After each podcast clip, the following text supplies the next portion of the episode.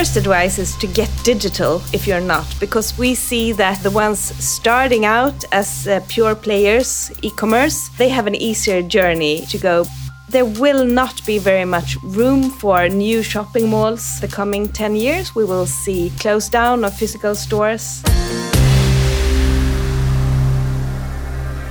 So, welcome to a new episode of the Business Sweden podcast. This podcast is all about how Swedish companies can be even better in doing global business, but also a podcast about how international companies can expand by being present in Sweden.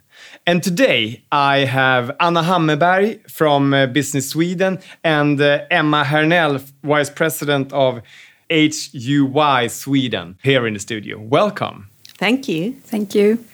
Uh, today we're going to talk about how international companies' presence in Sweden actually can uh, help them a lot. Uh, and we're going to talk about retail and how retail is changing. Uh, let's start with you, Anna. You are doing a campaign right now about fulfillment centers in Sweden. What, what is that campaign about? Uh, yes, we are uh, reaching out to international retailers that, uh, well, getting them to establish business in Sweden and also their distribution and logistics centers to Sweden for the demand for the, uh, the Nordic customers. And, you work with this every day on Business Sweden. What, what, what are your title in Business, uh, Business Sweden? I work as an investment advisor at Business Sweden. Uh, with a focus on uh, the retail sector, uh, among others.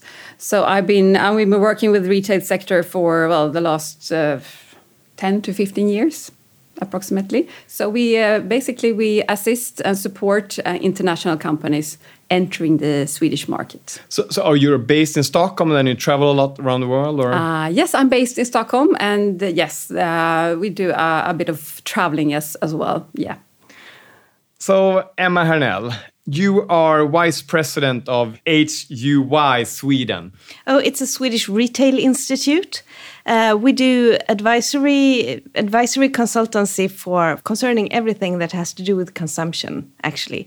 But ba basically, most uh, with retailers, but also with property owners and all the kind of companies that do business with retail this episode is all about marketing Sweden uh, as an interesting market and as an interesting place to put your fulfillment center.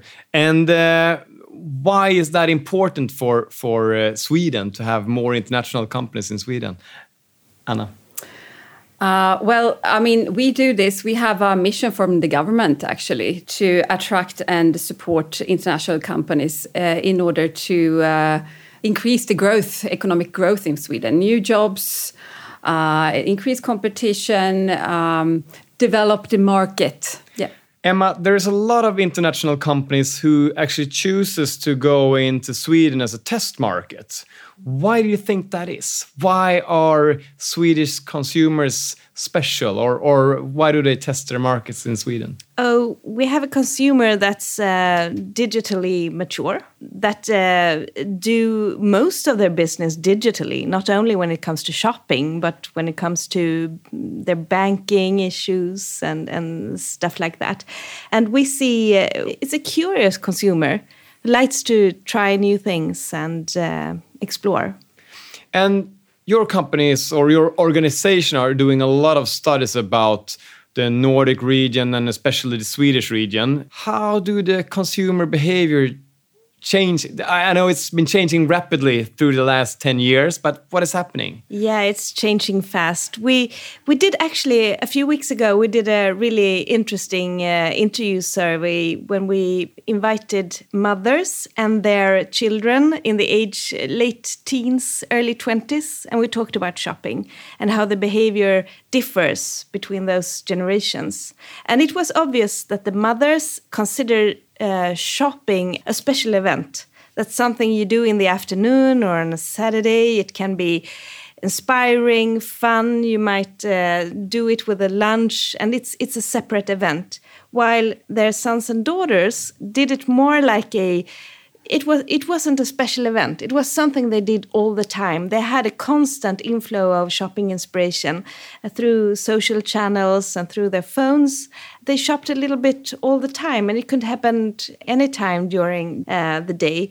And um, it's not a special event. It's not something you put a lot of effort into. It's something that just comes to you so to speak and uh, do you think this is a matter of generation, obviously, in this discussion, but do you think the mothers in this case will change their behavior through time, or do you think, you know, they will keep thinking about shopping as an event through their lives? Or uh, what we could see was that it's a mixture to them it might be a day shopping, a Saturday uh, still spent shopping, but it could. They also tried the digital channels and did digital shopping as well uh, while the younger generation didn't do that at all. So we will see when, just by population aging, we will see a, very large shift in, in how we shop. So obviously, online shopping is a big trend that is, you know, it's come to stay. Uh, do we have any specific data about the Swedish market here? Let's start with you, Anna. Well, looking at the Swedish market, the, the total retail sales last year was 820 billion euros. And for the Nordics in total, the e commerce turnover was 70 billion euros. And what we can see with, with regards to the fast change, I mean, looking back 10 years, approximately 20% of the Swedes shopped online on an average month, and today that number is almost 70%. Uh, so the change is quick, and also when it comes to mobile usage, as we discussed, I mean, 50% do their shopping on their mobile using their mobile phone. Mm. And a, a, large fraction of that, I don't know exactly how, how large, but do their uh, shopping on their mobile phone while they're in a physical store. Yes. So we can see that this uh, connection between the physical and the digital is very present all the time. But there is there are also very big differences between different sectors in in retail. So books is the one that's most digitalized, and it's about fifty six percent of all the turnover is from digital sales, while in consumables it's only two percent. So it's a large uh, difference between different sectors. But we see sector after sector going into this big turnover. And uh, we can see now that fashion is kind of close to, to where things are really happening in the market, where some stores have to close, others. Um, so, yeah, what do you think that is? 10 years ago, we saw a lot of shopping centers pumping everywhere. And now, you know, it's not that easy to make business in the stores. Mm some stores are really succeeding right now, but some are not. What are your take on that, Anna? Yeah, of course, because of the rise of, of e-commerce. And uh, I mean, as, as we discussed, uh, shopping might not be uh, that much of a, a destination as it's been before, but still, I would say the Swedes like to go on a destination to a shopping mall, for example. But then it's important that that place becomes have even more to offer than just the shopping. So you would have experience and entertainment, you would have restaurants, and you would have other drivers that get them into the, the shopping mall, so to say. And looking forward, if we're, let's say, like 10, 15 years ahead, I know it's impossible to see what's going to happen, but obviously we have seen some trends. What do you tell retailers that are asking you guys about the future? What advices do you give, Emma? Uh, the first advice is to get digital if you're not, because we see that uh, the ones starting out as uh, pure players, e commerce, uh, they have an easier journey to go, but the others have to get on this train to get their business digital as well. There will not be very much room for for new shopping malls uh, the coming 10 years. We will see close down of physical stores uh, at the same time as, as uh, the digitals grow. Of course, in some parts of the market, like in, in the best regions, in, in Stockholm, uh, city center, in some of the best shopping malls, there will still be place for for retailers and they will probably use that space for um, merchandising or for for uh, uh, communicating their brand more than actually using it as a as a sales cha sales channel. our recommendation is also to find as many sales channels as possible to follow the digital flow uh, the digital footfall. Where are the consumers in digital channels? And make sure that you are there and that your site is uh, shoppable. And also to to to work with the digital marketing that is really important now anna from your point of view what advices do you give to companies who consider uh, doing retail in business what are you what are you preparing them for if they're an international company I mean, we can only look at, at uh, also, I mean, the, the, trends and figures and, and the, uh, the, the, large growth. I mean, we've seen 20 year of consecutive retail sales growth in, in Sweden. Um, so absolutely, I mean, and, and they come here to, because they see the potential that we have wealthy consumers that do shop a lot in the Nordics and, and in Sweden. Uh, but as, as Emma said, I think it's important to, to really adapt to local market and understand the behaviors of the consumers uh, with regards to marketing and delivery and payment options, for example, and to understand the differences in marketing. Uh, as you said, social selling, where are the consumers? On, on which platforms? I mean, is Facebook or Instagram or, or Snapchat. Uh, and how to interact and personalize uh, their messages and shopping to to really to really get the customers' uh, attention. So, Anna, in your discussion with international companies about putting their fulfillment centers in, in Sweden, why is that a good choice? Well, in, in order to cater for the demand of the Nordic consumers, you need to be close to where the consumers are. And Sweden is geographically placed the only country in the Nordics where you can reach the entire region uh, in the same day. So you would have uh, by air two hours to Finland, Norway, Denmark, and by truck in 24 hours. And uh, that demand comes from moving trends from the consumer side as well. How do you look at that, Emma? Yeah, we can see very clearly the number one e-tailer that's most popular among Swedish uh, consumers is Apotea.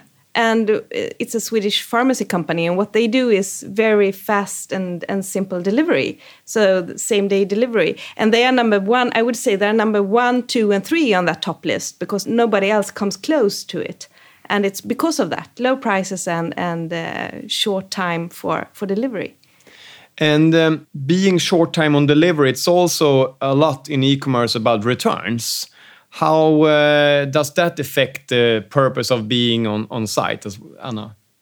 Exactly. You, you need to uh, take care of fast returns as well.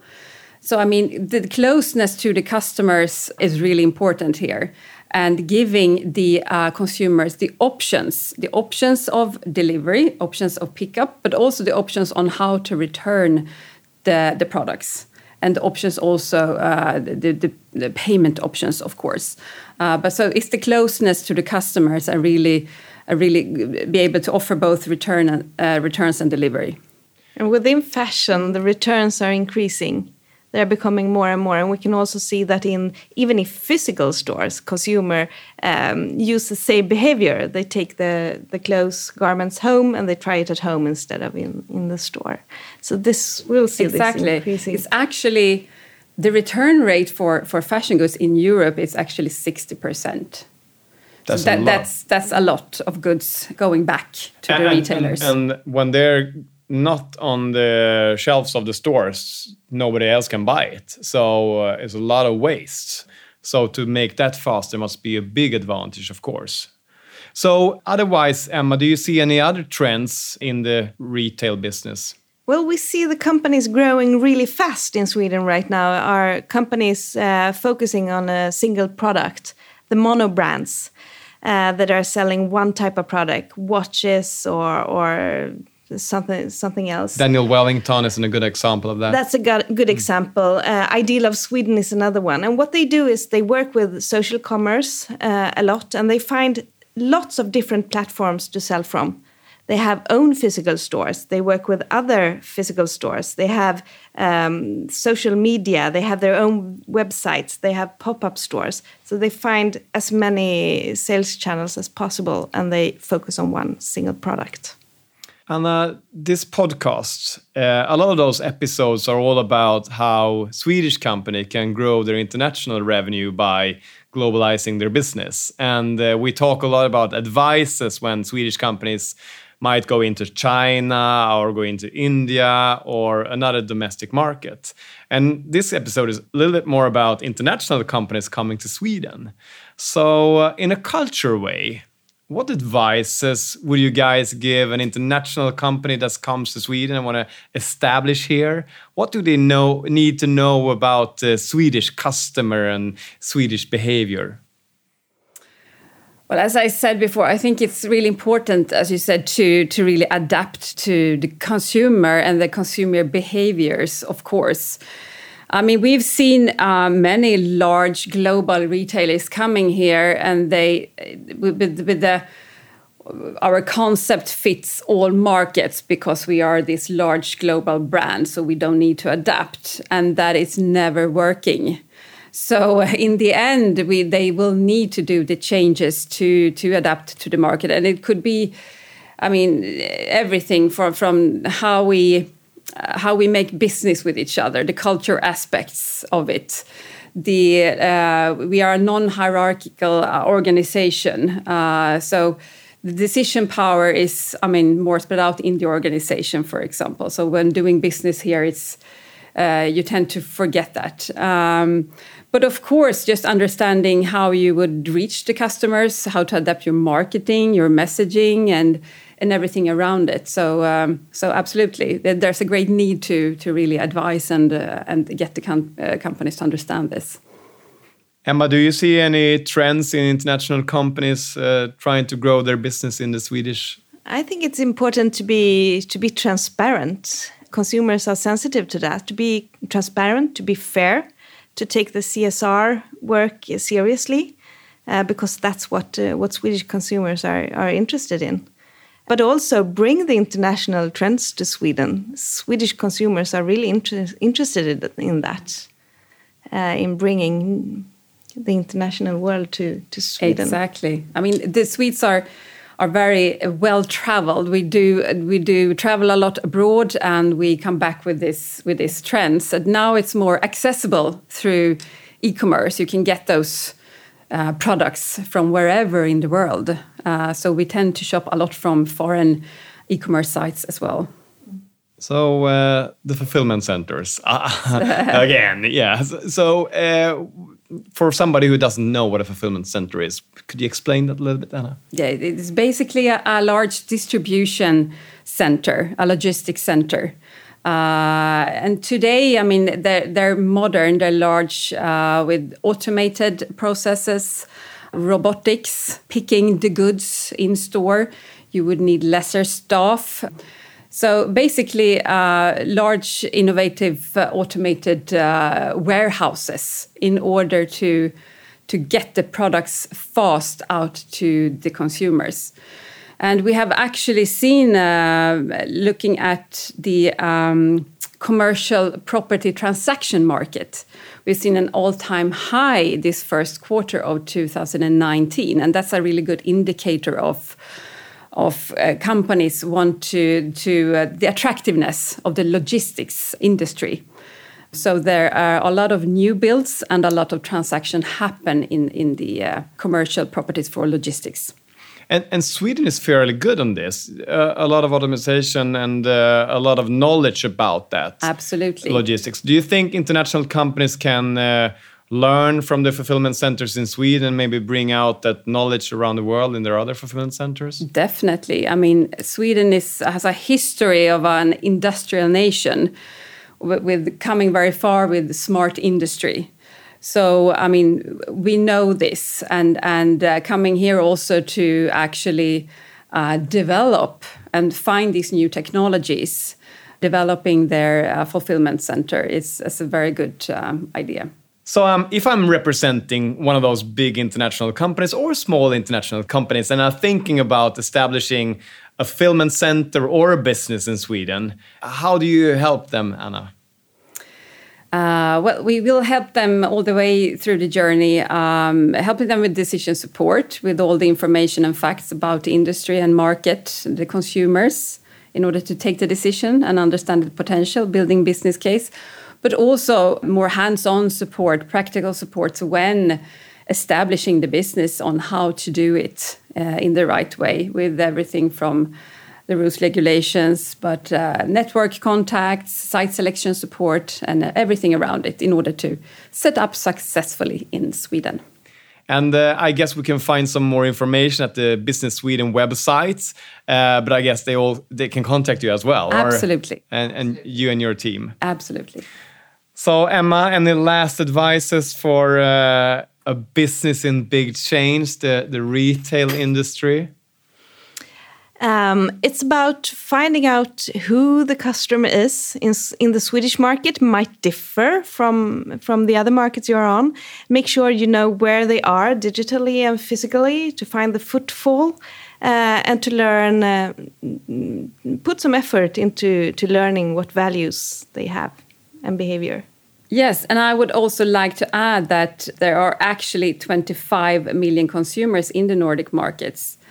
And looking at the actual purchasing power, uh, just looking at the Stockholm region, uh, the, the, GDP for Stockholm region is 72% higher than the EU average. So we do have a lot of wealthy consumers that are shopping a lot in Sweden, in the Nordics. Anna Hammarberg, Senior Investment Advisor at Business Sweden, and Emma Hernell, Vice President at HUI Sweden. Thank you very much for joining us in this podcast today. Thank you. Thank you.